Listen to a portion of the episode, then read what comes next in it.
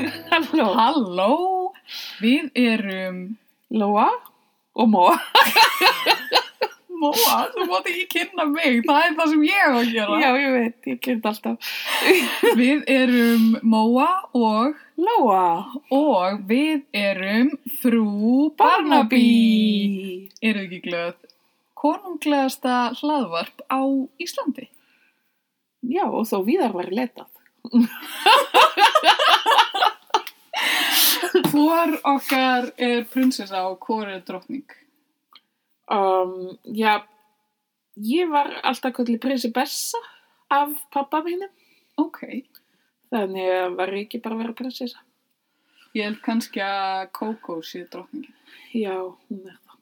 hún ræður öllu hérna í, í stúdíó Barnaby hérna uh, við erum mættar aftur á kreik eftir svolítið erfiðar tvær síðustu vikur eitthvað eða eina síðustu viku Já, svona, þetta er, þetta er búið að ganga brösulega í, í tækniðildinni já, guðminn almáttur. Tæknin er ekki með okkur. bara hefur alls ekki verið með okkur og hérna það er bæði okkur að kenna en m- mest ekki okkur að kenna Já, Nei. ég, mest teknikonum að kenna. Nei, sko, við skulum aðeins uh, fara yfir þannig veg sem að við erum búin að, búnar að vera, vera að, hérna, að að ganga uh, sem er þyrnumstráður Já, uh, því að sem sagt, í síðustu viku þegar við vorum að taka upp rekjavíku þáttinn og þeir kannski tókuð eftir því að rekjavíku þátturinn var daldið uh, stuttur. já, það var, það var verið að rekja okkur. Já. og- Það var tæknin að rekja okkur. Já, og hérna, það var, það var líka orðin svolítið stuttur í okkur þráðurinn af því að við vorum búin að taka upp sem sagt, klukkutíma langan þátt sem að bara kvarf Já. út í hið óendalega. Og þeir munu aldrei að heyra. Nei, og það var bara mjög mikið gott stöf í þeim þætti Jú. og, og hérna, við getum kannski... Knás. Ég sakna hans líka. við erum búin að gráta seltum tárum yfir þessu náttúrulega. En svo voru kannski einhverjir sem voru að hlusta á hérna gamla þætti sem tóka eftir því að, eh, að það var líka komin samið átturinn tvísvar. Guðminn góður, já, það, það var reyndar teknikonni. Þa, það skrifast svolítið á tæknikonuna en það var nefnilega þannig að þegar við vorum að taka upp COVID special þá, þá vorum við alltaf gladar að hafa unnið bug á, á veirunni og vorum alltaf hérna, ég við döttum smá í það Já, eiginlega. og uh, Teknikonan var druknust af okkur af okkur tveim og bara mjög skyndilega. já, það svona heldist yfir þig bara allt í einu Já, það heldist yfir hana, já. en, en það allavega, það ruggluðist eitthvað fælarnir Já, þetta er mjög dölaföld. já, Þetta er eiginlega svona svolítið mál fyrir barnabíi rannsaka. ég held það Já, Við þurfum að fá laurugluna í máli. já. En það er sem sagt búið að laga þetta. En sko það sem gerðist við það laga, þá fóru allar sko statistics Já, sem var pínulegilegt. nákvæmlega. Já, það eru mjög margir búin að hlusta á þáttinn, fyrsti, fyrsti viðtalsþáttinn okkar, en það stókaðist út, þannig að ég býð ykkur andilega að hlusta á bráðan aftur. Ah, en vissur að það er, það er alþjóðlegu dagur teknikvenna í dag? Nei, ég vissi það ekki. Nei, það er ekki. Nei, er ok. bara að ljúga. það er, eh, en hann er 25. apríl. Ok, Ég Byggi. googlaði það. já, Ég, bara, ég var bara að hugsa að væri kannski tækifæri í dag fyrir mig að þakka tæknikonu fyrir velunnin störf og fyrir að bara gera alltaf sitt besta. já, algjörlega. Mér datt þetta svona í hug og, Já. og hérna bara takk Já, bara, í, í, það var svo líkt. fyrir þín störf í þá allsjöðunar. Já, En, en talandum að fá sér aðeins í glas, þá fengum við sko gjöf. Product placement. Svona næstu því, við fengum allavega gefins vínflösku og við, ég ætlaði þetta sé ekki product placement. Er það ekki? Þetta er, ég held þetta sé voðalega gott vinn, ég er ekki búin að opna flöskuna. Lítur rosalega vel út. Hún er rosa, svona fagur bleik. Hún er svolítið konungleg. Mm. Og hérna, og ég lasa þessum þrúurnar Já, á vínum. ok. á internetinu og það var náttúrulega ekki á mannamáli þannig ég ætla ekki að eitthvað að vera að tala um það Nei. Vú, fallegt hljóð svakalega er þetta flott. og hérna en já, við fengum þessa gjöf frá kærri vinkonu frú Barnaby sem heitir Elin vinkona mín Já, bara þú er að senda kæra, eða ég sendi það bara út í loftið, kæra þakkir Elín. ég bara dásamdar þakkir fyrir þetta þetta er þetta er nú Til hverð? bara vá liturinn er alveg sko, við föllum strax í stafi yfir litnum Já, að þessu vinni e mm. og þetta er kannski ekkert almennlegt product placement út af því að við erum ekki einu sinni búin að segja ykkur hvað þetta heitir en já þetta heitir Rosé de Noir. mm, Brut. mm. og þetta er svona uh, það er svona gos í því Já, þetta er svona bleikt og, mm, já, þetta er svolítið gott. mér finnst þetta líka bara bragðast ekstra vel af því þetta er gjöf Já, reyndar. eða þannig er það ekki? Jú, algjörlega. En hérna, en eh, hérna, kærastinnar Elina reykur hérna stað þar sem maður getur keift þetta vín og eh, þú veist, það er hægt Nú. að fá sér það þar Ok, og staðurinn heitir Hosi Ló. Finnst það svolítið krúllegt. já, þetta er svolítið fallegt orð. Hósiló. Ég er einmitt búin að fletta því upp hérna á vísindafélaginu. Er þetta versta product placement í heiminum? Það getur verið, en við erum að reyna. Sko, hósiló eða hósiló, hósuló, hósiló og fósiló eru frambura myndir sama orðs. Hmm. Þannig að um þær finnast dæmum frá því snemma á 20. öld og þær eru notaðar í merkingunum lítið herbyrgi, kompa, kofi. Þannig að já, þetta, þetta er mjög gott fyrir inna, uh, frú Barnaby, Já, við, stúdíó Barnaby. stúdíó Hosi Ló Barnaby, Já, þetta er kannski að breyta um nafn á stúdíónu. kannski. Hósiló Barnaby. Mm. Já, ég hlakka til að þegar maður má fara, fara á veitingastæði að tekka þessum stað. Já, það er aldrei að vita nema að við verðum bara með ásótiðin okkur þar. Já, það, það er spurning. Hmm. Mm, en hérna, en við erum að fara að henda í mjög góðan þátt, er það ekki? Já, mjög svona uh, on it, hvað á að segja. Með puttan á púlsinum, Já, svolítið. að því að við erum sem sagt, við erum að hita upp fyrir Taratatam, The Crown, já, nýjustu serju. já, fjóru serju, þar sem okkar kona mun mæta og við vorum aðeins búin að fara yfir það í einhverju þætti, E, já, e, mann ekki hvað, þú erum COVID special eða eitthvað. kann, kannski voru síðasti, kannski voru það síðasti, allavega. E, það, það bara nálgast óðfluga. Já, ég er sem sagt búin að vera að hita upp og hérna horfa Ok, á fyrstu og aðru, aðra serju. en náður að horfa á þriðju serju. Nei, ég er rétt svo byrja á henni. Ok, ok. En þetta er alveg, þetta er alveg ótrúlega gott stöf Þetta er svakalega gott. efni. og rosalega vel unnið. Ha? Já. Þetta er, og, og þú veist, þetta er líka svo gott efni, þú veist, þú myndir ekki einu svona skálda þetta. Nei, einmitt, þetta er alveg fáranlega gott efni. Já. En það sem að við vorum eins að velta fyrir okkur hann um daginn er, þú veist, hvort þetta sé einhvers konar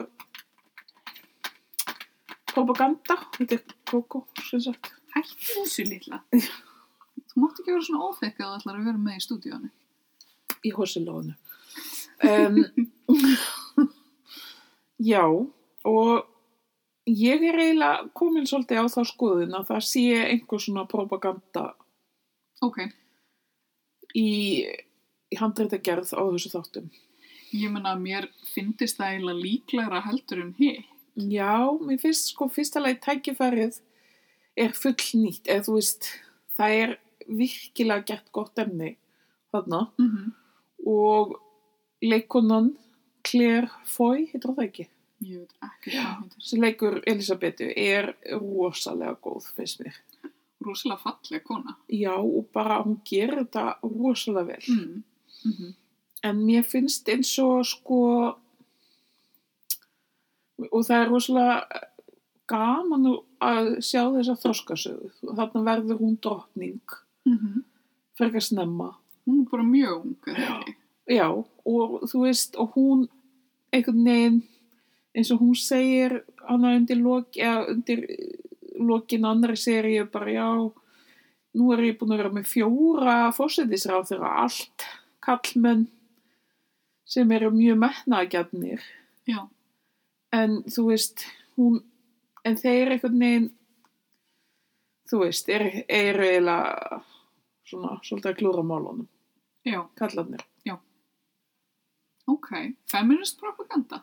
Já, nei, kannski, já, en samt sko að því að þetta, svo er verið að tala um sögu Bretlands, breska heimsveldisins, Já, já. þegar það, það er að falla í rauninni. Já, einmitt. Að því að Elisabeth kemur undir einhvern veginn, undir lók Nákvæmlega. á heimsveldinu.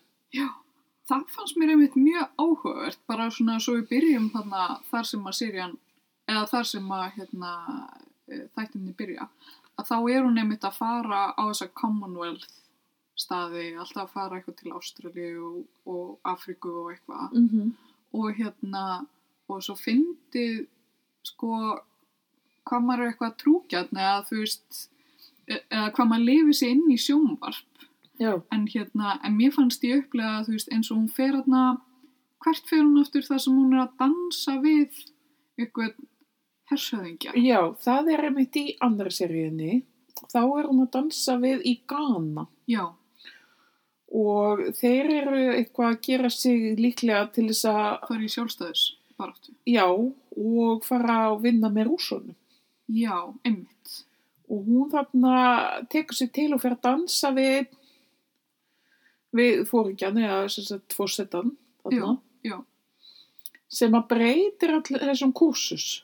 Já, en það sem mér finnst sko áhugaverðast, bara svo við förum bara strax í stóru málin, er hvað maður leiðist inn á hennar band í Já. þessu. Einmitt. Það er nefnilega ótrúlegt út af því að, þú veist, bretar eru svo sannlega ekki góðu gauðanir.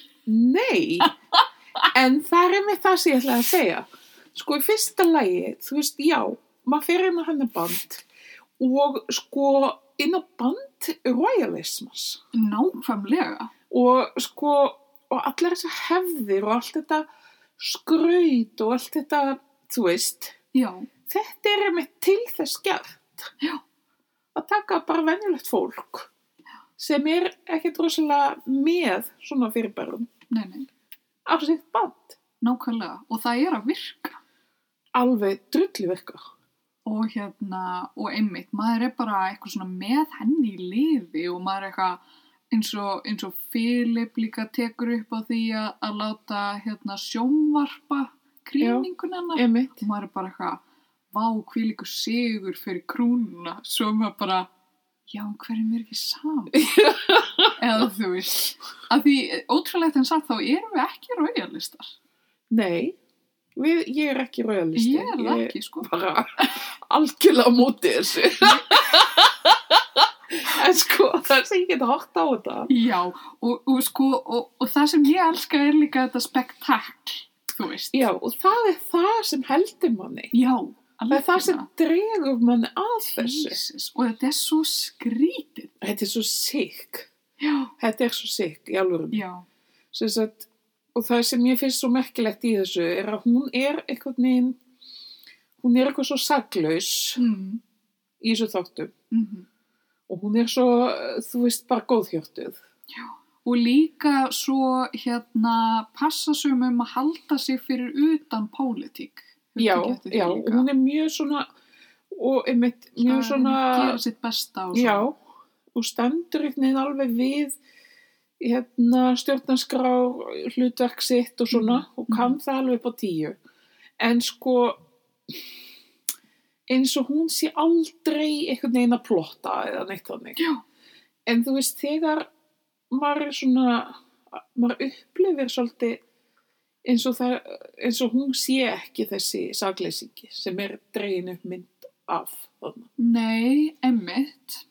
Og líka sko breska og krúnan bara sem slík er ekki sagleysingi. Nei. Þú veist, þetta er svona virkur þáttakandi Já, í heimsmálunum. já. Og til dæmis finnst mér mjög aðeinsart hvernig dregin eru upp ofsalega dökkmynd af honum, Sem abdikaraði. já, hvað heitir hann aftur? Uh, Edward. Prins, Ed- já, King Edward. King Edward. Já. Já, já ég held að hann hafi hittu það. Ég, þú er ekki að segja það. Æ, ég er búin að glemma. En þú veist, hann hér David Já, en var með konungsnafni Edward, actually. já. Það var eina fyrstu senan og þá bara Elisabeth spurði bara, en hvað ætlar að heita? Og Hún bara, já, ég heiti Elisabeth. Já. En, já, en hvað er drottninganafnið? Og Hún bara, ég ætla bara að hafa það Elisabeth. Já. Já, en já, hann var alltaf málaður upp sem rosa svona flamboyant, drikkveldur, svona partikall, þessi Edward. Já, hann, hann var það náttúrulega. Og, Rosa flottur, já, mér með finnst rosa reynda, mikinn stíl. já, mér satt leikarinn, sko, sem leikur hann. Mm. Ég held að hann hafi verið miklu sætari, sko, en leikari. Er það? Já. Ok, ég ætla að googla. og sko hann svona hann er eiginlega bara nánast landráðamaður Jú. í, í fyrsta lagi málaður upp sem landráðamaður Já, heyrðu, hann er alveg þýlikt myndalegur. einmitt Nákvæmlega með allar þessar metalíður hérna á. já, bara svo Ó, hvað er búið að skreita hann? Jesus, maður. Hugsa þér að vera með allar þessa metalíu það hlýtur að vera svo þung. já. Já, allavega. en hann þú veist einhvern veginn hvað ég segja já, hann er svona málaður sem einhvern veginn ótrúlega svona Sjálfselskur. Já, hann er náttúrulega sjálfselskur að vilja endilega giftast, Konunni sem hann elskar. já, þrýgiftir konu Hvernig dyrfist hann? og uh, sko, svo sem sagt, er einhvern veginn alltaf inni með það hvað hann er úslega gladaður eitthvað. Já. Og svo undir lokin á, held ég, annari seríu þá kemur bara einhver skjöl sem einhver nazistið faldi Mm. sem sína fram á að hann hafi verið þannig í slagtögi við nazistan. Nei, damn. og þú veist sem hann var grilla Ok. en Já. það voru fleiri í Já, Breitlandi á þessum árum Já, já. en þarna er þetta bara svolítið svart og hvítt og Mm. það er náttúrulega sjónvarsveruleik Mm. Já, ég held sem er held að Já. þetta hafi verið á miklu grára svæði svona í alvöru heldur en uh, heldur en maður lesum í sögubókunum já, einhvern veginn kannski svolítið erfitt að að að hafa svona uppgjör við hennar tíma þegar maður veit svona eða þú veist with the benefit of hindsight mm fattar Já. en hérna en já, hann, en hann má aldrei vera í Breitlandi hann þarf að já, búa í Fraklandi Já. með konunni já og svo er kaldæðnislega við þetta er að hann á að hafa gefið njósnurum upplýsingar sem að gera það verkum að það var ráðast inn í París nei Þannig að mann finnst frekar kaltæðinslegt að hann sé bara þannig í Fraklandi. Já, Jesus. Ok. Hvílíkur samkvæmt karakter. þáttunum. En sko þá er spurning líka, hversu sakfræðilega réttir eru þessi þættir? Já, emmitt. Hvað segir þú, Kókó? Hún er alltaf skugga minn núna. Heyrðu, þú mátt ekki klóra í stílabók frú Barnaby. Nei, en svo, já, ég velti fyrir mér sko, sko þegar, hvernig það verður í næstu seríum þegar Díana kemur. Heyrðu, Að sko Díana, að því að nú er drottningin einhvern veginn búin að koma svolítið vel út úr þessu öllu. emmitt. Mínus hérna eh, sambandi við börnin. Það er búið að vera svolítið svona erfitt. Já, reyndar. En það er líka búið að svona sína okkur fram á sko að hún vildi í raun aldrei fá þetta hlutverk. En hún er átakalega skilduröki Já, og bara að gera þetta upp í topp. já, Og það er bara krúnan framar öllu. emmitt. Já, það er svona svolítið myndin sem við verða verið að mála upp. Er það ekki? Og, og líka til dæmis uh, í samskiptum hennar við sýstu sína, Sem- Margréti Rós. já, sem er mjög skemmtilegu karakter. Já, mjög. Að hérna, að Hún það, er svo mannleg. hún er mjög mannleg. Já. Og mér er sagt að hún sé orðin miklu vinsælli sko eftir að þættinni kom út. Já, ok. Hún var náttúrulega mjög vinsæl hann á tímbili. Já. Sem svona karakter. Já. í heiminum. Mamma sem þetta er nefnda eftir henni. Ok. Rósa það er náttúrulega mjög óalgengt nafn. Já. Ok. Ummi. Núna er það mun meira. Er það ekki? Jú, leggast til, sko. Ég veit ekki ekki, svo sem. Nei, Nei en, en hún er svona bæði í, í fyrri og setni serjum finnst mér hún mjög skemmtileg skemmtilegu karakter á, á sjónvarskjánum. Já, svo náttúrulega algjörlega uppaháls. Likuna, Helena, Bonham Carter, hún er alveg hún geggja. er alveg frábær Hún er geggja. og hún kemur með einhverja svona ekstra bitur Já, í karakterin finnst mér. Einmitt. minnst það þetta líka fyrsta, eh, fyrstu serju margir mjög góð líka, sko. Já, einmitt svona það verðast vera miklu svona tilfinninga öfgar Já. Eh, en já, hvað ætla ég að segja? Já, já með samskipti systrana að hérna að það er alltaf verið að mála það upp sem sem sagt skildurækni að Elisabeth eh, það sem Elisabeth gerði gegn systur sinni var að hún barðist ekki fyrir því að hún myndi geta gifst þessum manni Já, einmitt, þessum eh, fráskilda manni. Já. Hvað Hvað er er óttalegt vesen á þeim? Jesus? Og hérna, og hún mátti bara alls ekki giftast honum og allir ráðgjáðarnir svo bara nei og þá neitt, neittist Elisabeth til þess að segja nei líka. En sko þess vegna einmitt það, þá kom líka þessir þarna þessir eh, hvað á ég að kalla þá, aðstóðarmenn eða. Já, hann var einn hann aðstóðarmaðurinn drottningar eða rítari hvað sem hann kallaður já þannig að Tom- Tommy, Tommy Lassell Lassels. sem bara hann var bara svo djöðlið sjálfur einhvern veginn svona plottandi Mm. og þetta er svolítið svona myndin af krúnunni Mhm, sem að maður hefur mhm. það er svona þessi plott og allt þetta Já, en mér finnst Elisabeth algjörlega vera laus við að vera í einhvers konar plotti allan að hinga til já. Eða hún, þú veist, í þáttunum hún er verið stærra saklaus af öllu Já, en það er spurning hvort að það sé kannski að fara að breytast. já, það er, það er mjög góð spurning skildi það breytast Skildið að af breytast. því að þú veist, það er náttúrulega ímislegt varðandi díjanu sem er svolítið shady Eins og við fórum nú yfir svolítið þannig í, já, í brostin hjörtu þættinum okkar. já, emmi Það er ekkit allt alveg ljóst. það er ekki allt með feldu Nei, einmitt. En hver er svona, hver er uppáhalds karakterin í Crown, The Crown? Og nú er ég ekki að tala um, þú veist, alvöru fólkið. Ég er bara að Nei. tala um sem sjónvarskarakter. Ok, uh, sko, Margaret Rose, ég held svolítið upp á hana, en svo held ég líka svolítið mikið upp á Philip. Nei! Ég er ekki að tjóka. Alvöru! Sko, Er það bara því hann er myndalegur? hann er svo mikið kallmenni. Oh my god, er það að djóka? Ég bara get ekki ímyndum í leiðilega, leiðilegri karakter. Í alvöru, Ég ert þól að grínast? hann ekki.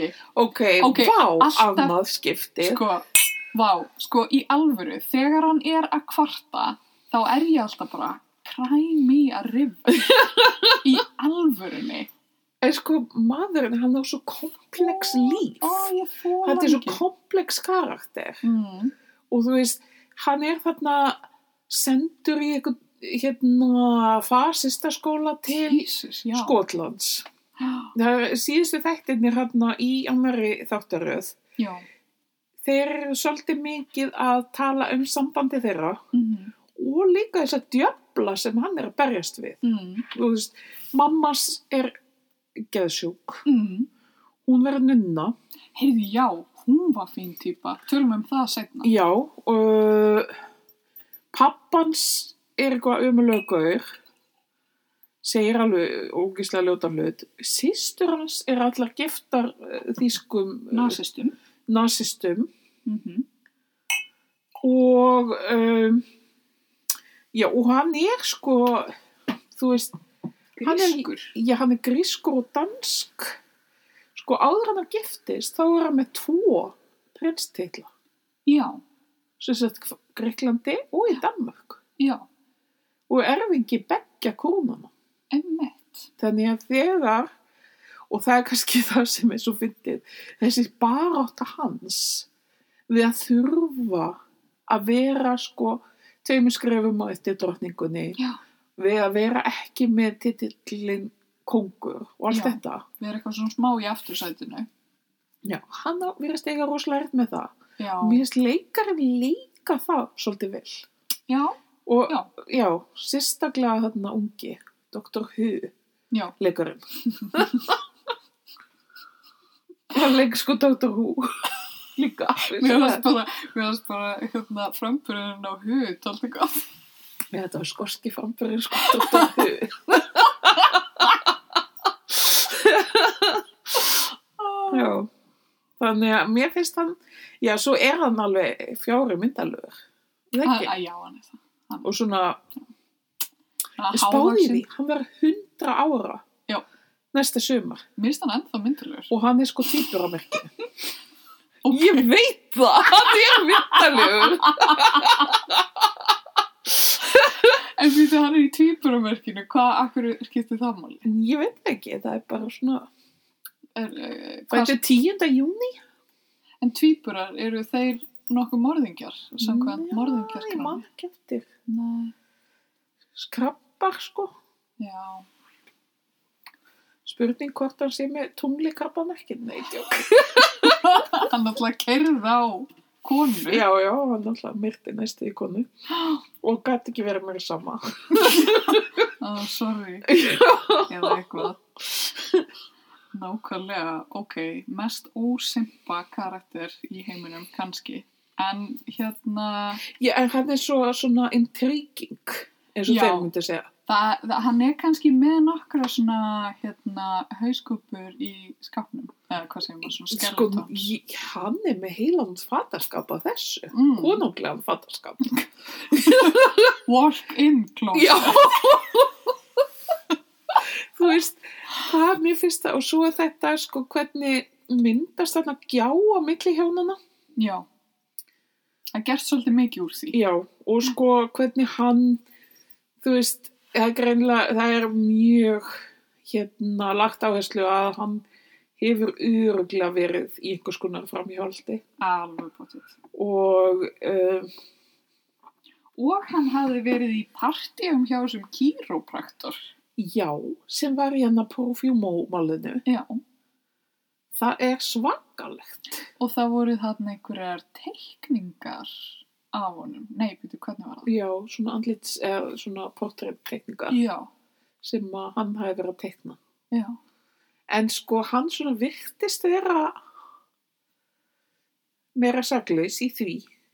Já, en er það einhver... En þú veist, það, þetta var samt gefið til kynna, en ekki ómyndi getið til kynna, sem segir okkur enn og aftur. þú veist. Krúnan er alveg með puttan í þessu, það má Já. ekki bara gera hvað sem er að sjónvasefni, sko. Einmitt, ég held að, þú veist, krónan er að sjálfsögðu með einhverja putahár. Þú veist, allir þessi aðstofum menn þarna. Já, já, já. Já, maður má ekki segja hvað sem er, sko. Sjór. Nei. En samt sem áður, þú veist, þátturinn gengur alveg langt í einhverjum svona málum, þú veist, eins og þetta með, þannig að hennan, hennan kýrópraktor Já, sem var með einhver kynlífsparti eða ég mann ekki alveg jú, en Hvernig hann er það var? Eitthvað svona. eitthvað, eitthvað svona sem þótt eitthvað voða uh, Hallarslegt. og ósmæklegt að hérna, Já, var líka verið en einhver svona njósnara rúsnesku. já, var Mál. það líka Já. Eða þú veist, það var, ok tengst, tengdist þessu máli. Svona. mm. ok, já þannig, þannig bara það að sé verið að tala um það í þættinum er alveg, þú veist, gengi alveg ágæðlega langt en þú veist, væri örgulega hægt að langa, eh, ganga lengra ef maður vil, ef maður Ég sko, ég held að, sko, breska þjóðin, hún græðir ýmislegt á krúnunni. algjörlega Þannig að þú veist, þau eru ekkert að fara að græða á því að segja allt, segja nákvæmlega allt þetta ljótasta. Já, og grafa undan. Já, þau, þau græðarlega talsvert að því að selja svona merchandise og selja tours. Já, af bara svona, hillunum þú veist, þetta er svona gullfós og geysir í tíðaveldi. og- Algjörlega. Nákvæmlega. Já, og það eru margir royalistar sem benda á þetta að hérna, þegar að fólk er svona eitthvað að töði við því hvað kosti nú mikið að hafa þessi konunglega brúðköp og allt þetta. Já. að hérna, þá er fólk alltaf að tala um þetta að hérna, breska þjóðin uh, græði svo mikið á konungsfjölskyldunni. Einmitt. Er og líka þetta- sko einhvers konar ímyndunar, ímyndar eh, Já, dæmi. algjörlega. En sko núna þegar breska hinsveldi er runni runnið, Já, algjörlega. hvað er þá verið að gera? Er verið að reyna að bjarga því sem bjarga Verður. afsakið verður? Já, það er, það er spurning. Hvað er hver er tilgangur með þessu? Ég held að þetta sé allt til þess gert. Mm. Þetta var svona ekta svona, hérna, já, sorry. Allt til þess gert að, þú veist, halda ímynduninni, ja, ímyndun, ímynd, að ég veit ekki hvað maður segir, á lífi. Þú veist- Ímyndinni. Ímyndinni, já. Já. Já, algjörlega. Og dramað er náttúrulega ennþá lifandi með Harry og Meghan sérstaklega. Já, já, þau eru náttúrulega, vá, Þau eru að halda draman á lifi. Já. Og hérna, ég held að, ég held að ímynd konungsfjölskylduna lifi líka svolítið á því. einmitt. Ég meina, fólk nennir ekki endalaust að vera að lesa um, um hérna Kate og, og William. Það er náttúrulega ó- ó- óáhugaverðasta fólki í heimi. Þau eru ekki að gera neitt. Þegar, sko, Kate er alveg, mér finnst hún vera pínir svona svik. Svikin var. Og þau skýrið ekki einu svona dóttur sinna díunni. Nákvæmlega. Af hverju ekki? Hvað var það? Ég bara, ég er ennþá, ég er eiginlega ennþá bara svikin. Já, já, þegar hún segir það.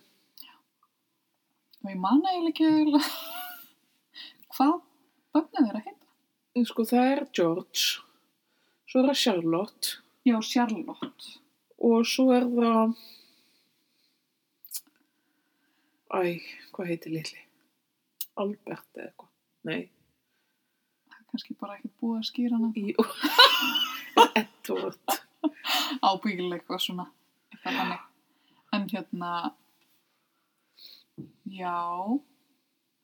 Fannst þér ekki fyndið alltaf, alltaf í hérna heimildamyndunum um Díanu, þá var alltaf verið að tala um þegar hún var búin að eignast tvö börn, þá var hún komið með an heir and a spare.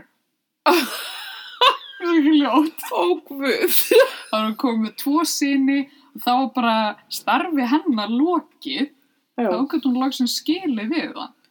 einmitt. Já, einmitt. Þá var, bara, þá var þetta bara komið.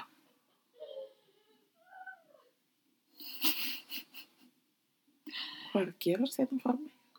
Eru unglingarnir glaðir eða, eða óhæmmingisamir þegar þið gefa frá sér sér hljóð? Um, það er bara mjög tvíbent. Það getur verið annarkort eða. eða bæði Já. á sama tíma. Já. Það er nefnilega þegar maður er unglíkur þá er svolítið, veit maður eiginlega ekki alveg hvaða tilfinningar er að brjótast út stundum. Já, það er mjög, við höfum mikið verið í því að tólka tilfinningar. Og hvernig hefur gengið? Ítla. Herðu, ég ætla að hleypa Kókó út úr þessu herbyggi og við sjáum, sjáum hvort að það gangi ekki brúið vel. Ok. Núna erum við byrjar að taka smá svona pásur inn á milli af því við erum orðin svo brendar af tæknirugli. Já, ég ætla að reynda að segja því að við verðum orðna svo góðar í tækni. Ó. Það, ef þið glemtu því sem ég sagði, ég, það er það sem Móa sagði. Hérna, en já, mér langar til þess að senda kveðju hérna út í kosmósið. Til Elinar. Já, til Elinar Hósiló. Já. Frá einu Hósilói til annars. Hún er bara alltaf að verða betur og betri í vinkonakar með hverjum sopanum, myndi ég Já, segja. algjörlega. Ég er að spá, hvar verður hún um jólinn? Elin, þú átt opið bóð hérna í Studio Barnaby Já, um jólinn. algjörlega. Hvað verður jólamatinn hjá þér? Reyndir. Í alvöru? Já. Er það alltaf? Ok. Og hvað hefur þú með því? Hérfið, það er alltaf svona eplasalat Ok. eh, sem tengda fæði minn kendi mér að gera. Mm. villibröður sósa sem tengda fæðið minn kendi mér að gera. Eh, svona sættar, eh, svona kartiblur, svona brúnar kartiblur, Já. uh, risperja sulta Mm Mhm. -hmm. og svo er ég með svona arikover, það var nú einhver sem ég kom inn Mm. Ég elska þannig. og líka nýtt sem ég fór að gera út í Skotlandi sem er svona ferst rósakálsalat með mandarin. Hmm. Mm. Vá, það hljómar enda sjúklega vel. Er eitthvað vinningrætt? Já. Hvað er í því? Í vinningrættinu? Já. Það er bara þetta típiska sko, ólífa, ólíja, smá sítrúna eða svona mandarin, þú veist, já. safi Mm -hmm. og hérna smá sinnum, því svo. En etik? Nei, ekki ef ég er með sítrúna. Nei, nei, nei. Sko. Ok, já. Vá, spennandi. Ég er mikill, á, ég er mikill áhuga kona um ímis salut. Já, ok. Þetta er eitthvað svona nýtt hjá mér. Hér þetta var hann 8 og lengi uppskrift. Já, auðvitað. Ég nefnilega sko, ég, þú þekkir hann náttúrulega. Já, já. Hann er alveg sjúklega flókin. Hmm. Mm. Ég hef ekki gert margar uppskriftir en ég sá þess að þetta var eitthvað svona Guardian jólablaði. Ah. Og neða ég fór að gera það upp á því, sko. Ert þú hérna áskrifandi á New York Times Cooking? Nei. Mér finnst alltaf svo geðveikt gyrnilegar uppskrifti þar og það er ný, nýverið, eða svona á síðasta árinu, þá var sem sagt ákveðið að maður þyrfti að vera áskrifandi Ó, til þess að sjá þar. Ah, ok. Ég hef sko bara verið svolítið mikið bara að lesa Guardian, sko. Ok, já, Heldur sér það, sko. nákvæmlega, En, já, ymmit. Já, mandarínu salat. Mamma gerir mér rosa gott svona appisínu salat já, sem að er einmitt bara svona mjög ferskt og gott. Það er sko, það er bara eitthvað svona græn lauf skiptir ekki svo miklu máli hvaða salat maður notar svo eru hérna appelsínubitar og ég og sýst minn hefur svolítið leikið okkur á að hafa greipbitar líka Mm. svo er fínt saksaður rauðlaukur eh, og ólífur og fetaostur ef maður er ekki vegan Já. og svo er eitthvað svona smávinni grött þetta er rosalega gott Ok, ég ætla að pröfa þetta. Já, bara svona ef að, ef að einhver fleiri það nútið er að experimenta með salut. Mm Mhm. -hmm. Mjög spennandi að gera ný salut, sko. Já. Svo, ég, þetta er einhver heimur sem að ég er komin inn í núna, Salutin. salutin. Sko, frakkar eru mjög sérstakir með salut. Já. Og sko, þegar ég var að gæta svona upp á fjöllum, þá var alltaf að vera að elda líka, því elda. Og þeir sko svona íslensku salutin, þú veist, Já. kúk og tómatur, Já, það er ekki það er alveg sko, Nei. það fer í þeirra fínustu. nákvæmlega. Þá komst ég svolítið að því að þeir eru bara með rosalega mikið að reglum varðandi salut. Já, maður á að borða það fyrst í fyrsta lagi. Já, og þú veist, hvað má fara saman og hvað má ekki fara saman og, Mm. og eitthvað svona. En ég er ekkert að fara mikið eftir þessu reglum. Mm. En ég sem sagt ger alltaf vingrættuna bara í botnin á salatskálinn. Já, einmitt. Ok, Af því að margi frakkar sko vilja hafa hana sér. Já. En mér finnst best þegar hún er bara á salatinu. já. Ég hérna fekk vini í mat í sumar. Þau eru ekki frakkar en þau hafa búið í Fraklandi mjög lengi. Já. Eh, og þau komu með mjög gott salat með sér. Eh, og Álföður, eh, sem sagt, eh, konan í þessu samingi, hún sagði mér að sem sagt, þetta, eh, að, að, þetta var sem sagt, salat með vinnigröttu og hún sagði á frönsku væri þetta kallað og nú man ég ekki franska orðið, það er alveg stúlu úr mér, en að þetta sé kallað þreita út af að salatið er í vinnigröttunni og það er alltaf að vera slappara og slappara og mér finnst það svolítið fyndið, en nú man ég ekki Já, fatt ekki, nei. já, jú, Já, en, en þetta var bara eitthvað sem hún sagði Já. ég, ég veit ekki hvort þetta sé eitthvað Absolutt. örkla. Mikið til í þessu. Reykta salatið. þreita salatið en þið kannist öll við salatið sem er búið að leggja aðeins og lengi í vinnigröttunni Já, einmitt, það, einmitt, þess vegna gerir maður ekki ómikið salat, sko, því maður getur ekki beint gemt það. og líka kannski, s- þú veist, hefur vinnigröttun on the side stundum Ég, sko, mamma vil alltaf hafa það þannig.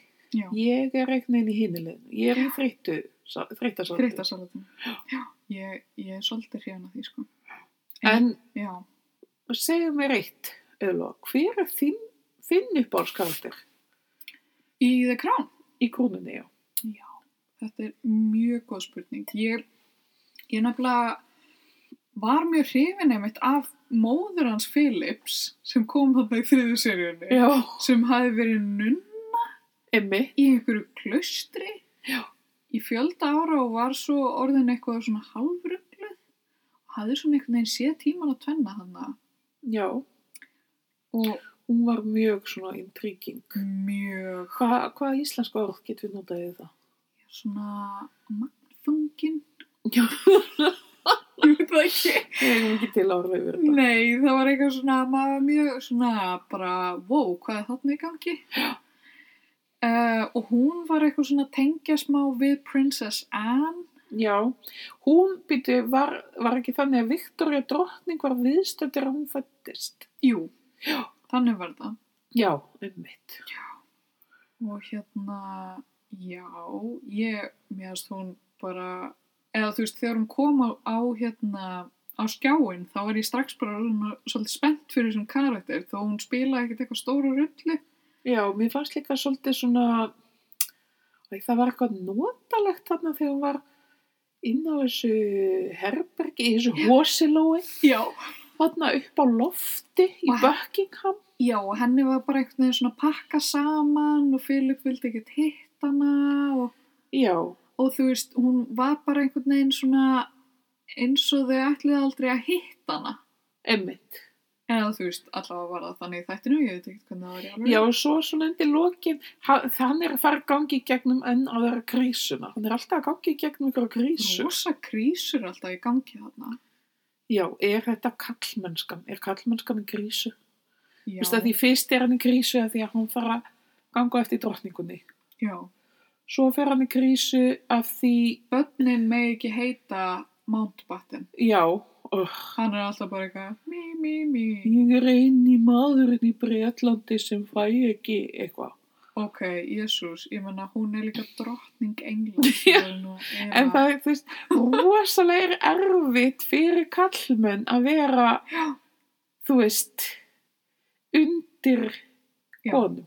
Já, Það er rosalega erfitt. já, Og fyrir hann. Og svo fyrir hann í þriðja krísuna í þriðja seríunni, eða fymtu, tíundi og whatever.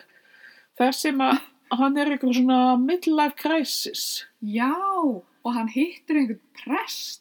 Já. Og Sem- stofnar eitthvað kallaklúb. Já. Og þeir eru eitthvað svona að Já. reyna að vinna úr sínum. Þeir eru að tala um miðaldra- tilfinningar. Já. Það er nú svolítið sætt.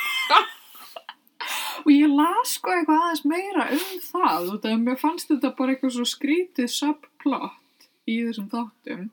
Já. En, en þá var þetta bara eitthvað, þessi prestur sem hann hittir þarna, þeir eruðu bara vinir æfila Einmitt, og þetta er bara alvöru eitthvað sem gerist í alvörunni. já.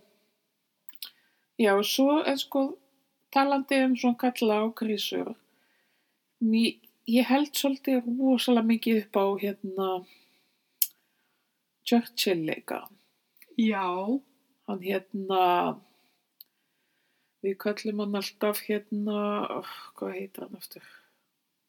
Manstu hvað hann heitir? nei, Æ, ég fann gleyma. Jú, hann heitir sko Lithgow og við kallum hann alltaf Lynn Lithgow. ok. eftir bæ í Skotlandi.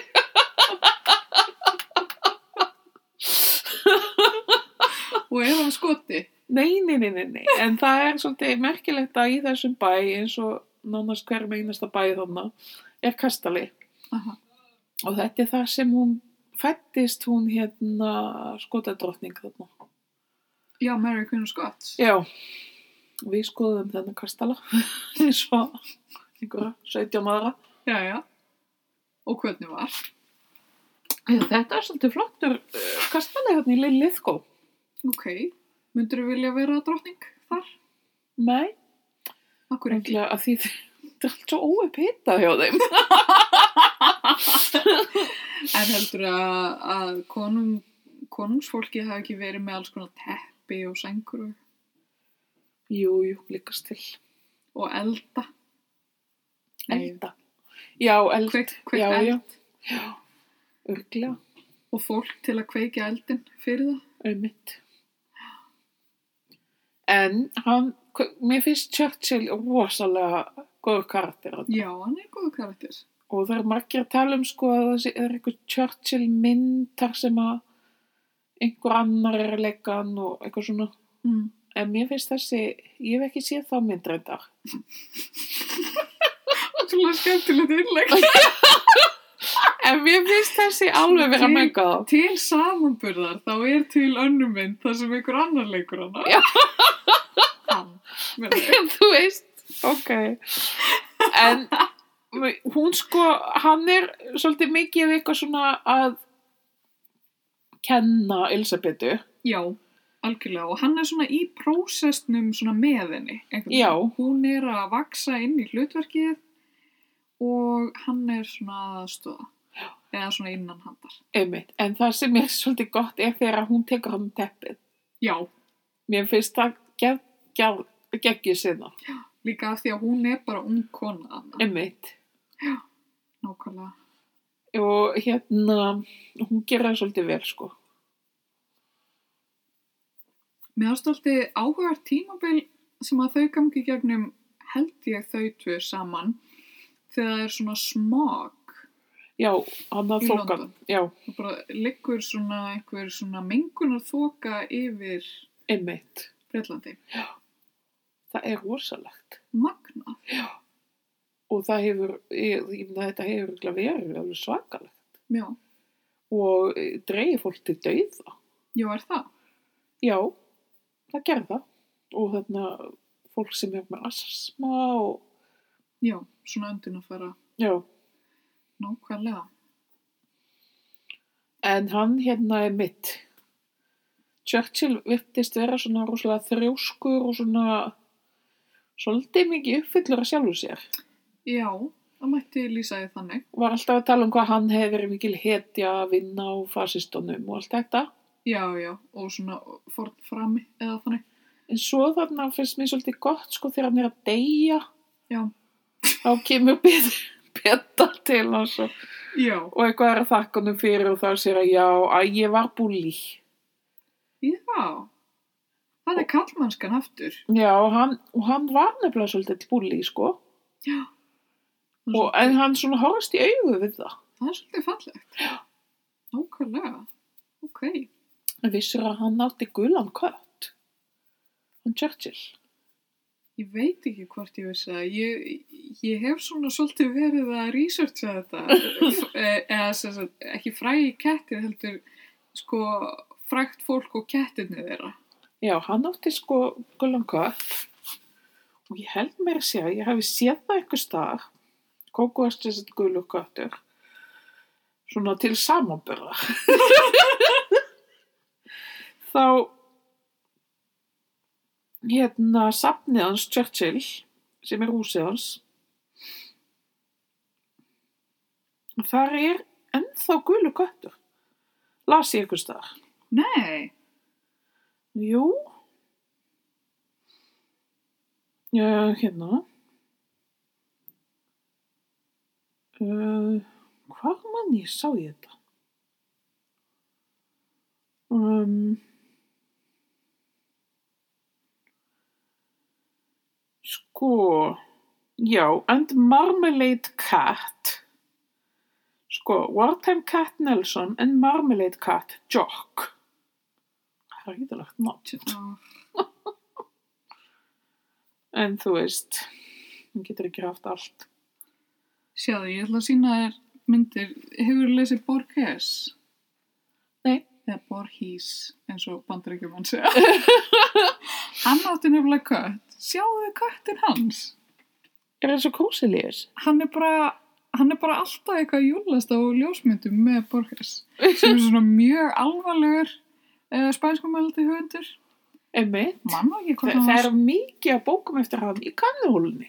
nú, sjáðu hérna er sko, hö- kötturinn hans hétt Beppo minnst mm. hann út alltaf gott nafn Já, svolítið á gott. kött en hérna en hann verðist hafa verið alltaf svona skemmtilegu köttur svona fyrst, ég, fyrst þetta er svona mitt sérsvið Já, uh, kettir frægs fólks hann er alveg top 3 sko, þessi já það, svo er náttúrulega, það er köttur á Downing Street sem að er með, sem er að vinna, sem sagt, á Downing það Street. eru nefnilega nokkri kettir sem eru að vinna fyrir bresku krúnuna og þeir eru hérna atvinnu máser Já, einmitt.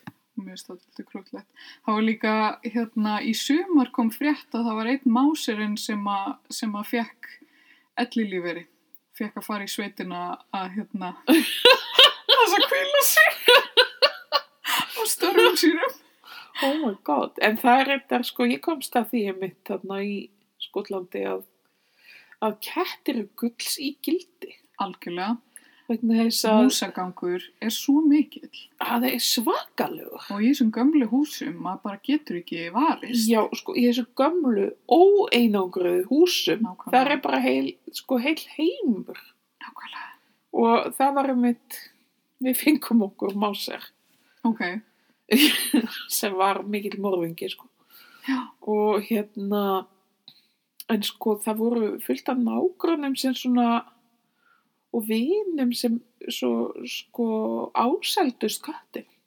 ég fengi hann í láni Já, Já, ég man nefnilega eftir þessu þegar við, við starkaði vorum hérna í skiptinámi í Belgíu þá vorum við með svo mikið músa vandumál þessu fræktur við að hérna þá var fólk svolítið að mæla með því að við myndum bara fá kött í láni einmitt, já.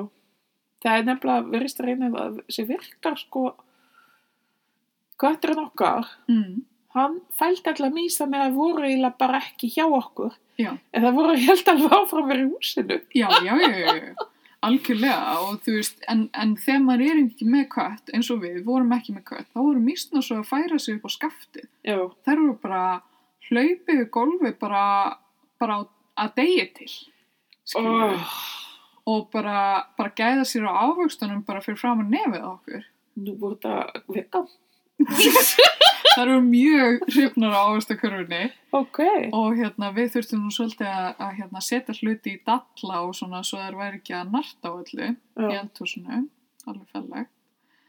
En hérna, en svo, svo var þetta sko þannig að hérna, ég og starkaði gistum um í herbyggi sem var svona eitthvað svona annarkvort einhvers, einhvers konar þjónustu konu herbyggi já, eða almenningssalerni í hérna, þetta var fjölbýlishús. já, já, já, Í ég man, Brussel? já, þetta var eitthvað fyrirlegri hæð. Já, þetta var nefnilega ekki innan íbúðarinnar. Já, Uh, þetta var bara á sama stegagangi og tilherði íbúðinni en ég hef kenningu um að þetta hafi verið klósett. já, Fyrir allt ég húsið. held það getur mjögulega rétt hjá þér vegna þess að í Berlínar í bóðunum, Mm, gömlu, þá voru mitt alltaf klóstinn á milli hæða. einmitt. Og ég held að, held að við höfum basically gist á klósettinu. En hérna, en þarna inn á þessu litla klósetti sem við byggum, Já, uh, það var einmitt lítið klósett þar, það var mjög næs. ok, Já, gó. það bara, maður bara rétt náða að setjast á klósettið, það var svo lítið. og hérna og en, en, en það sem sagt uh, við gistum þarna og, og hérna í, í einhverja 5-6 mánuði og hérna og máli var að alltaf þegar maður var að fara að sofa þá heyrði maður í músunum inn í Oh. vegnum Já, við höfuð, eða, þú veist, við höfuði já, heyrði maður alltaf bara svona ógislega óþægilegt. Starkin hafði aldrei að tjúna þetta út. Ég bara blessaði verði fara bara svo og getur ekki gert því Varst þú hörlega típan? Já, ég, ég eiginlega hefði ekki giskað á það, sko. Vá, ég nefnilega sko, ég ætla að uppljóstra lindamáli. Ok, Ég var ekki stressað típan. ok. Hérna, nú veit ég að Arnar hlustar stundum á, eiginlega alltaf á Ha, podcastið. hann hlustar mest. Já, en helst aðdóndi, en ég ætla samt að uppljóstra hérna leyndamáli að sem sagt, við lendum oft í því að það voru mís Hmm. Mm. og fyrsta sinn þá náðist músin í eitthvað stífvél Ó, það er eitthvað drókið. og stífvél var farið með út í garð Aha, og það var aldrei tekið aftur enn.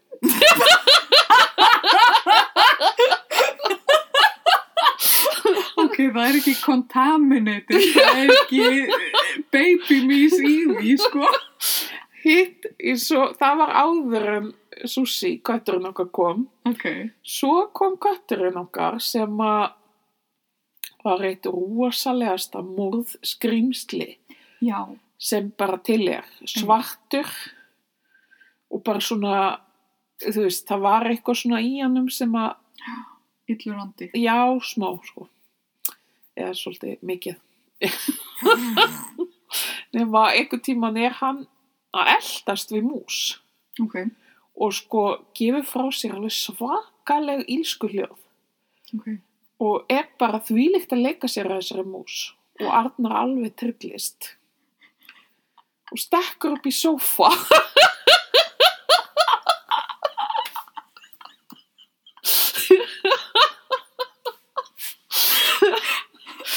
og svo erum við eitthvað þú veist Kötturinn er því líkt búin að murka hlífi úr músinni og Arnar er bara taktu músina ég bara, þú veist og ég er eitthvað, tegur eitthvað póka Já, þú veist, ég, ég er þú veist, ég er kannski ekki rosalega óstressu típa, mér finnst þetta lókjast og allt það, en þú veist ég tek músina í pókanum bara til þess að sleppa eða þú veist, að því að kötturinn er bara þarna, já, þú veist já, murka úr henni lífið og þetta er bara, þetta er ekki föðursjón orðið svolítið ógislegt. Já.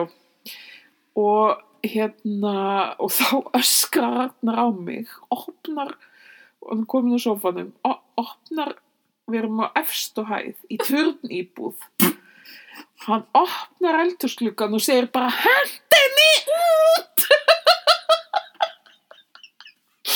og, heyrðu, og ég tek pókan og hendi pókanum út og sko beint fyrir meðan törnin er vestlun í 11 eða eitthvað þannig að ég veit ekki hvað var sko, hvað gerðist en það hefur einhver skilur fengjana beint í fóngið Arnar, ég kann bara ótrúlega vel að meta þannan eldmóð sem þú sýnir í þessari sögu. ég mátti lengi vel ekkert vera að segja sko öðrum kallmennum frá Nei, þessu. en það er gott að, að hlustendahópurinn er mikið til konur, Já. kannski, betra fyrir ekkoið. já, En sko, það er líka bara allt til að hlæja. Ég gerir líka fárunlega hluti mjög oft og mér finnst eiginlega besta sem ég geri er að segja fólki bara frá því. Það er lang skemmtilegast. Annars er maður svo vandræðilegu með það, já, fattar við. einmitt maður er eitthvað svona að pukrast um með eitthvað svona dimmt leyndamál um hvað þögnin maður, drepur eins hvað og maður sagt er asnalegur eitthvað, ó, það ég bara trú ekki að ég sé svona asnaleg. er já og það, þetta er motto hjá frú Barnaby Já. þögnin drepur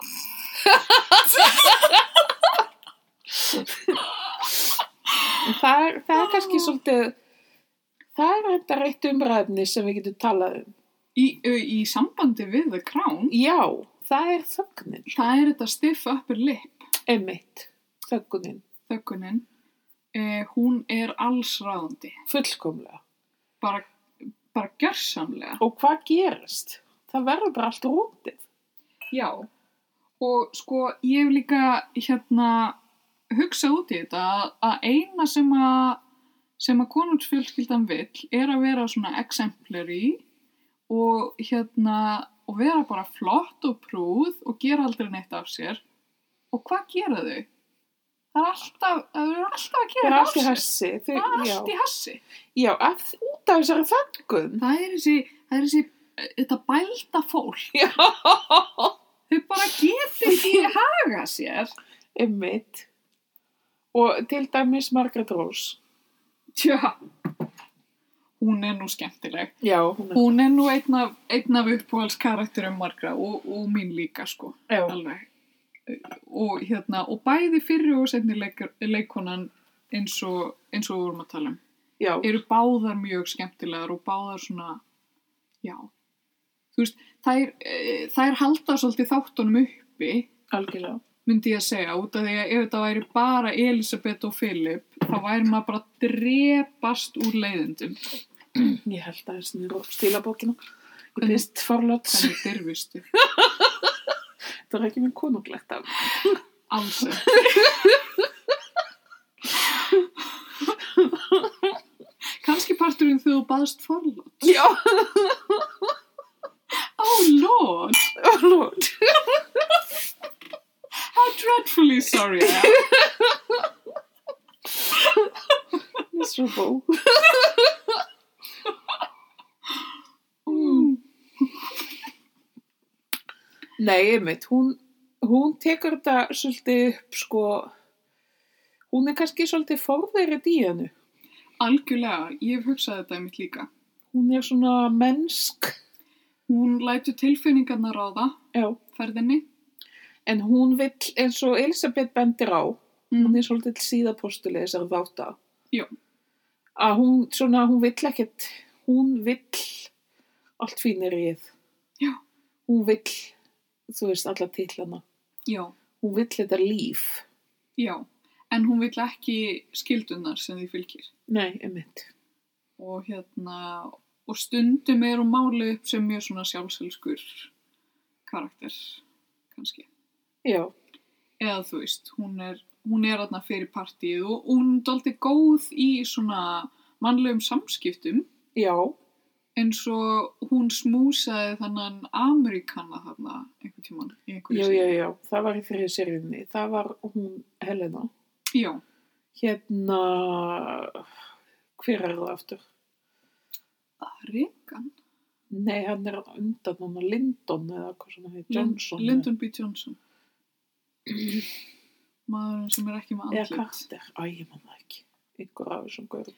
Býtu. Já, býtu. En hún var Sem alveg- heitar, hérna, ég var alltaf inn að muna að það er þessast fórsetakostingar núna í bandarkjan. Já, og verður komið út úr þeim þegar að þátturinn fyrir loftið. Já, ég veit það ekki. Ég visti það, ég hef ekki sýnt þeim neitt náhuga, Nei, þessum kostingum. nei. ég er svo leið á því að í fréttatímunum þá er bara hann hann að prömp Já, önnur hvor frétt mm og þá er mér farið að líða eins og við séum bara hver amerisk nýlenda nákvæmlega. ég bara, þú veist, Þú veist, þetta er alveg áhugavert en bara up to a point. nákvæmlega mér finnst, mér finnst algjörlega vanta meiri fréttir frá Evrópu þú veist, við erum í Evrópu Já, ég er alveg sammálaðið þessu.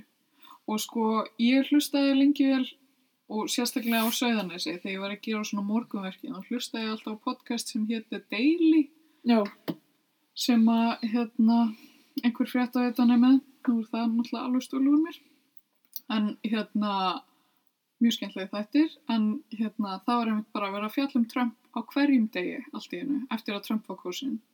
já, Og þá bara hætti ég að nanna hlusta á þetta, því að hvernig getur fólk verið hissa á því að, þú veist, það sé lestaslis á hverjum degi, þegar nákvæmlega að þessi maður er fósitið. já, og svo er líka, sko, það, mér finnst þess að þessi andelt vera að fæða skrimslið Algjörlega, þú veist, hann er einmitt algjör búli já, og það skiptir ekki máli, þú veist, hann er alltaf að búliast mm. og einhvern veginn þannig fær hann um endur þessu aðtegli. Ég er mjög sammálað þessu af því auðvitað átt ekki að viðgangast og það er náttúrulega fáránlegt að hann sé fósiti Já, en þurfum við alltaf að vera að tala um það. eð, og þetta er eins og, þú veist, óþekki krakkin í bekknum sem fær alla aðtegli. Einmitt, Og, þú veist, eina leiðin til að losna við hann er að hætta að veita hann um þessu aðtegli. veistu, ég er svo sammálað þessu. En svo, svo myndi aðri segja þú veist, að, að kannski að, að hérna, ignorera hann er náttúrulega kannski ekki lausn en ég menna við erum líka bara á Íslandi þú veist hvað kemur þetta okkur Já, en þú veist, við þurfum við að vita hvenar hann snýr sér við í stólunum. Nei, nákvæmlega. Mér finnst þetta vera komið á það level. Þú veist, og meðan sko það er, ég veit ekki, hvað hefur ekki gerst í Evrópu og það er bara, þú veist, tvær settingar. Mm Já, þetta er eiginlega alveg fyrirlegt hvað er verið að eyða orðum í hennan kall. Já, Þú veist, af því að, af því að ekkert sem hann gerir eða segir meikar nokkuð sans. Nei, ég meina hann er bara búli og hann ætla bara að búliast og eina leiðin, þú veist, það er engin einhvern veginn að taka hann á hans. Það er allir bara, ó, guð, hann er svo mikið svona, ó, guð, ó, guð. Já. Í staði fyrir bara að búliast á honum. Já, nákvæmlega. Ég minn henni. En Elisabeth, hún vildi ekki hitta hann. Var það ekki þannig? Var það þannig? Hér er sem minnum á það, hún er 95 ára. Vá, hátt Elísabet. sé. 95 ára og En þá starfandi. en þá starfandi og umíkja kalli hann er ekkert að komast í þess að blessa Nei. og nú er hann nú fráskilin má hann vera kókur, segi ég nú bara Já. yfir maður kirkjunar Þetta er nefnilega góð spurning. Ég sko las einu sinni, hérna um tíma var ég hjá kýrópraktor og þá, þá komst ég svolítið í þessi hellóblöð og Já. þessi svona rusltímarit Bretlands og rosa mikið af þeim á stofunni hjá kýrópraktornum svona Ok. meðan maður hérna býður og hérna mér þótti nú alltaf gaman að lesa þetta sérstaklega í ljósið þess að stundum voru þeir bara að búa til fréttir. já sko, hello, þau bara búið til fréttir Þau bara, en bara í alvörinu, þau bara skálda bara eitthvað. Já, já, en þeir líka sko, þú veist, þú, ef þú kemst í Hello, Mm. það er eitthvað svona ákveðin status. Mm. Hello er bara svolítið fínt blað í rauninni. Mm. Þú veist, þú, ef þau koma heim til þín, taka mynd af þeir kastalanum þínum eða eitthvað. Já, já, ég tók svolítið eftir því. Þetta er allt Kemma. sko, þú veist, þvílíkt sko, fólk er að býða eftir því að komast á svona Já. stað sko. Já. Hann komst þarna, einn íslendingur, Ná. komst í Hello söngurinn hann Kortes hvað heitir hann? Nei, í alvöru. já, Garðar Kortis. já, heitir hann ekki það EFS pappans Garðar Tór Kortis.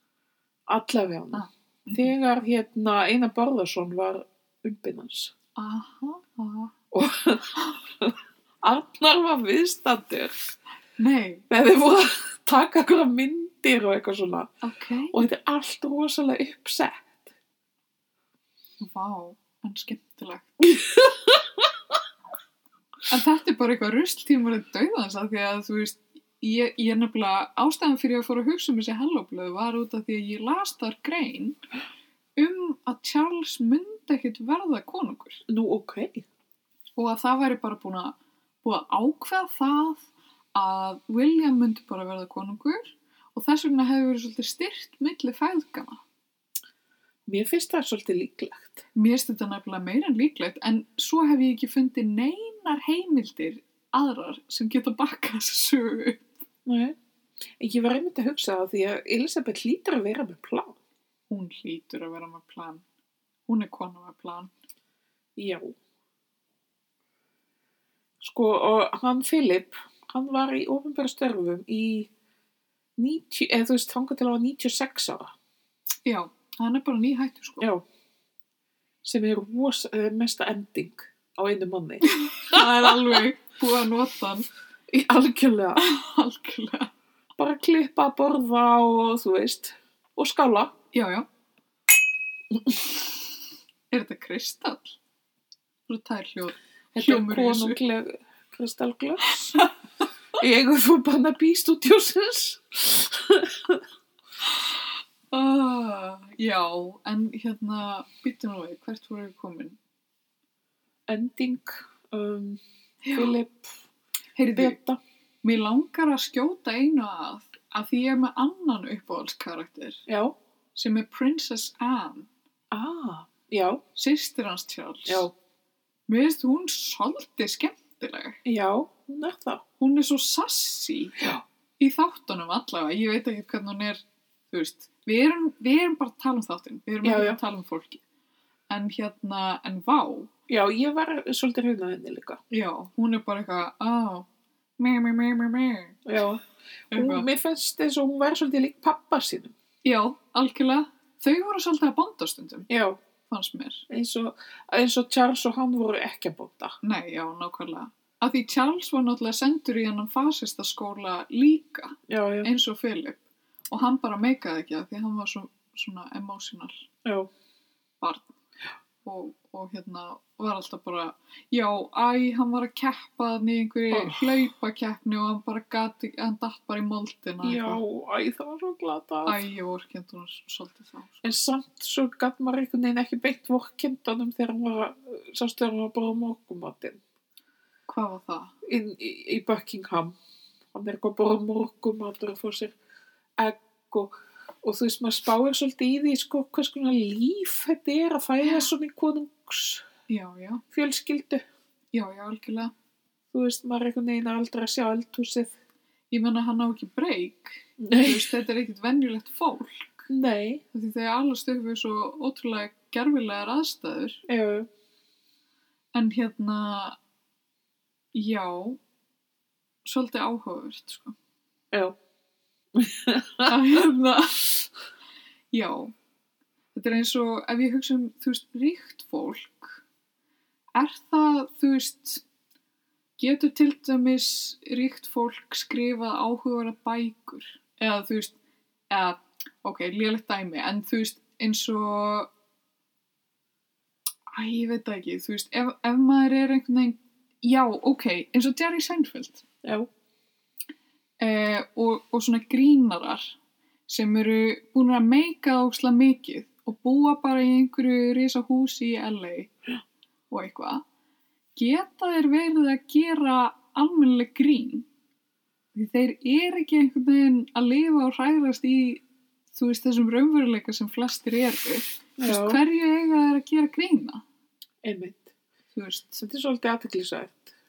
að hérna að það er svolítið svona Svolítið góða punktu vegna þess að Ari Eldjátt var í fréttum í dag. mm, En svo hann er búin að meika það og er að fara að vera á Netflix. nei, í alvöru Já, og hérna, þá er hann orðin okkar fræðast í grínari. já Og þá er, er þú veist, getur hann þá eh, hætt að vera fyndin eða hvað? Ég veit það ekki, ég held að þetta sé eitthvað sem grínastar hafa miklar áhyggjur af, sko. Og Já. ég, ég reyndar, hérna, hlusta á þetta djöfulega langa viðtal við Ara Eldjátt. Í fréttum? Nei, þarna hjá honum Bippa, Já, hérna, snæbinni. já, það var þrýr tímar. Já, En ég var með kveikt að því á vinnustöðunni og fannst það bara nokkuð gott og ég var ekkert að slakka á því allavega. En hann var að tala um svona kreatív hliðina að því að gera grín. já, Og mér fannst það bara mjög áhugavert ok. að því maður þarf náttúrulega að vera á ákveðnum stað einhvern veginn til þess að geta skrifað grín og verið fyndin. Maður var að tala um að það væri svo erfitt að vera fyndin einhvern veginn í COVID af því það er ekkert að gerast Nei, einmitt, og maður getur ekki beint gert grín að aðstæðum einmitt. og eitthvað og ég man ekki, þið getur, þið getur hlusta á þetta viðtal en það er þrý tímar Vá. Eh, svolítið oflant en, en hérna en mér finnst það alveg- mér finnst það bara vera með mjög skemmtilega svona punkta um sköpunarferlið Já, ég er náttúrulega komið smá óvinnselar skoðanir. þú fýlar ekki aðra heldur Jú, jú, ég fíla hann alveg sæfilega, eða stundum ekki, stundum. Ég fíla hann alveg. En það var önnur skoðun, sko. ok, fyrsta skoðun Mm, Sko, ég, fólk af minni kynnslóð á Íslandi elska allir fóstbræðir. já, Ég hef ekki hótt á fóstbræðir. okkur ekki Einmitt. Ég bara, það er svolítið vandamál að ég finnst, ég veit það ekki, Jóngnar og, og Sigurjón, ég má eða ekki segja þetta sko á þessu heimili, að því þeir eru dyrkaðir af öðrum aðela þessu heimilshalds. Uh, mér, þú veist, þeir einhvern veginn bara hefði ekki droslega til mín. ok, Samt er ég alltaf að lusta á þá út af Arnari. ég tvíð það Já. já, og hérna sem er svolítið fyndið það er ekkert fyndið samt en svo var það þannig að hérna ég fattaði um daginn þá dreymdi mig jungnar eins og fræktir orðið milli okkar og ég hugsaði bara vá hvað það er skrítið að því að þú veist einmitt eins og ég segi þetta er ekki beint gaur sem ég finnst eitthvað svo rosalega fyndin Nei. Mér dreymir bara, við erum bara, hann kemur í heimsókn og við erum alveg svinir og, og við fyrir að kúra upp í rúmi Nótalegt. og rosa notaleg stund og svo kemur Arnar og hann er bara, hann er bara eitthvað líka að kúra upp í rúmi. Mjög skrítið. Svo allt í henni fatta ég að Arnar sem sagt, hann er stundum að hlusta á tvíhöfða Já. þegar við erum að fara að sofa Já. upp í rúmi. Mm. og fattaði hversu mér dreymdan.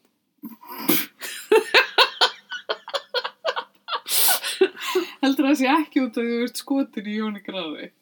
Svona innst inni. Nei, Jóni Gnarri, sem var það. Ég veit það ekki. Jóni Grafi? Já, það er svolítið gott. Nei, ég held ekki.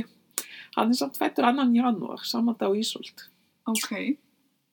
Hann Nei. er þá hvaða stjórnumarki? Stengið. Já, Emmett. Eins og mamma. Einmitt. En já, býtu, hvert vorum við að fara með þetta? Grín og ríkt fólk Já, og uh, uh, hvaða raunveruleika fólk býr í? einmitt.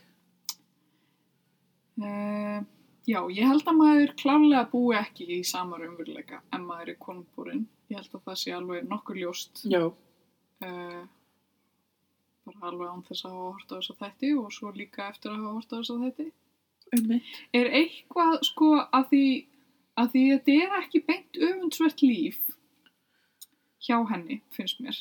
Já, einmitt. Það er svolítið verið að leggja áherslu á það í Já. þáttunum. Algjörlega, Hvaða fórnir hún hefur þurft algjörlega. fyrir þetta líf. Mm En það er ekki beint lögð áhersla á það hvað, þú veist, hvað hún hefur í rauninni fengið í gegnum þetta. Algjörlega, Og þú veist, sem er, þú veist, hún er með topp, þú veist, topp uh, fólk alltaf í allum heilsufars mm skiluru. Þú veist, hún fær Mhm. í topp þjónustu allstaðar. Hún fekk hendur eiginlega enga menn. Nei, ég það var svolítið tekið á því. Nú stoltið skrítið, sko. En, en þess utan fengið mjög margt upp í hendunar. Er eitthvað sem þú öfundar hana af? Þú horfir á þetta. Sko, já, það er eitt sem ég öfndana. Það er reyndar ekki út af þáttunum, heldur. Svo sett alltaf í loki janúar kem tilkynning frá Buckingham Mm -hmm. um að Elisabeth ætlar að taka sér auka mánuð í jólafrí. Úúúú. Þetta er það sem ég öfndana af. Oh my god, I'm getting Þá er hún bara eitthvað upp í Skotlandi að hafa það náðugt í Já. auka jólafríinu sínu. Bara á hessbaki og Já, eitthvað á landróvernum sínum. með litlu korgi hundana sína Já, og vissiru að hún ætlar ekki að búa til fleiri korgi hunda. já Varstu ég var þessu eitthvað að grein? heyra um þetta. Ég held að korgi hundarnir hennar sé ekki látnir en það var eitthvað út af því að hún hefur átt, þú veist, margar kynnslóðir Já, af sömu hundunum Mm. eða þú veist, ekki sem sömu eru svolítið skrýtnir. Já, Sem eru svolítið Svolítið svo sætir. stundar lappi já, og mér finnst þér eiginlega ekkert sætt. mér finnst þið mjög sætir. en hérna, en hún ákvaði sem sagt að búa ekki til fleiri korpa. Nei, ok. A- Að hérna, sem sagt, línan myndi deyja með henni. Einhvern veginn, Vóða, það skrýtið. já. Hún var ekki búin að ákvaða það bara. Já. En það var, sko, það var hana með Harry og Megan. Þegar að þau ákvaða hana að, þú veist, stökkva frá skipi eða hvað sem hann segir. Já, sem er náttúrulega í alvörunni annar þáttur út af fyrir Já, sig. já, við förum yfir þá. En hvað heldur að Harry hefur gert? Hann trublaði Elisabetu í aukajólafriðinu sínu. Damn. Mér fannst það, þá misti ég svolítið álita á Harry. Velja tíma sem þykir að betra. Já, nákvæmlega. Nákvæmlega. Mér finnst sko svolítið sko í þáttunum þegar er verið að færa henni skilaboð í þessum rauða kassa. Já, Þá langar mér svolítið í svona rauðan kassa.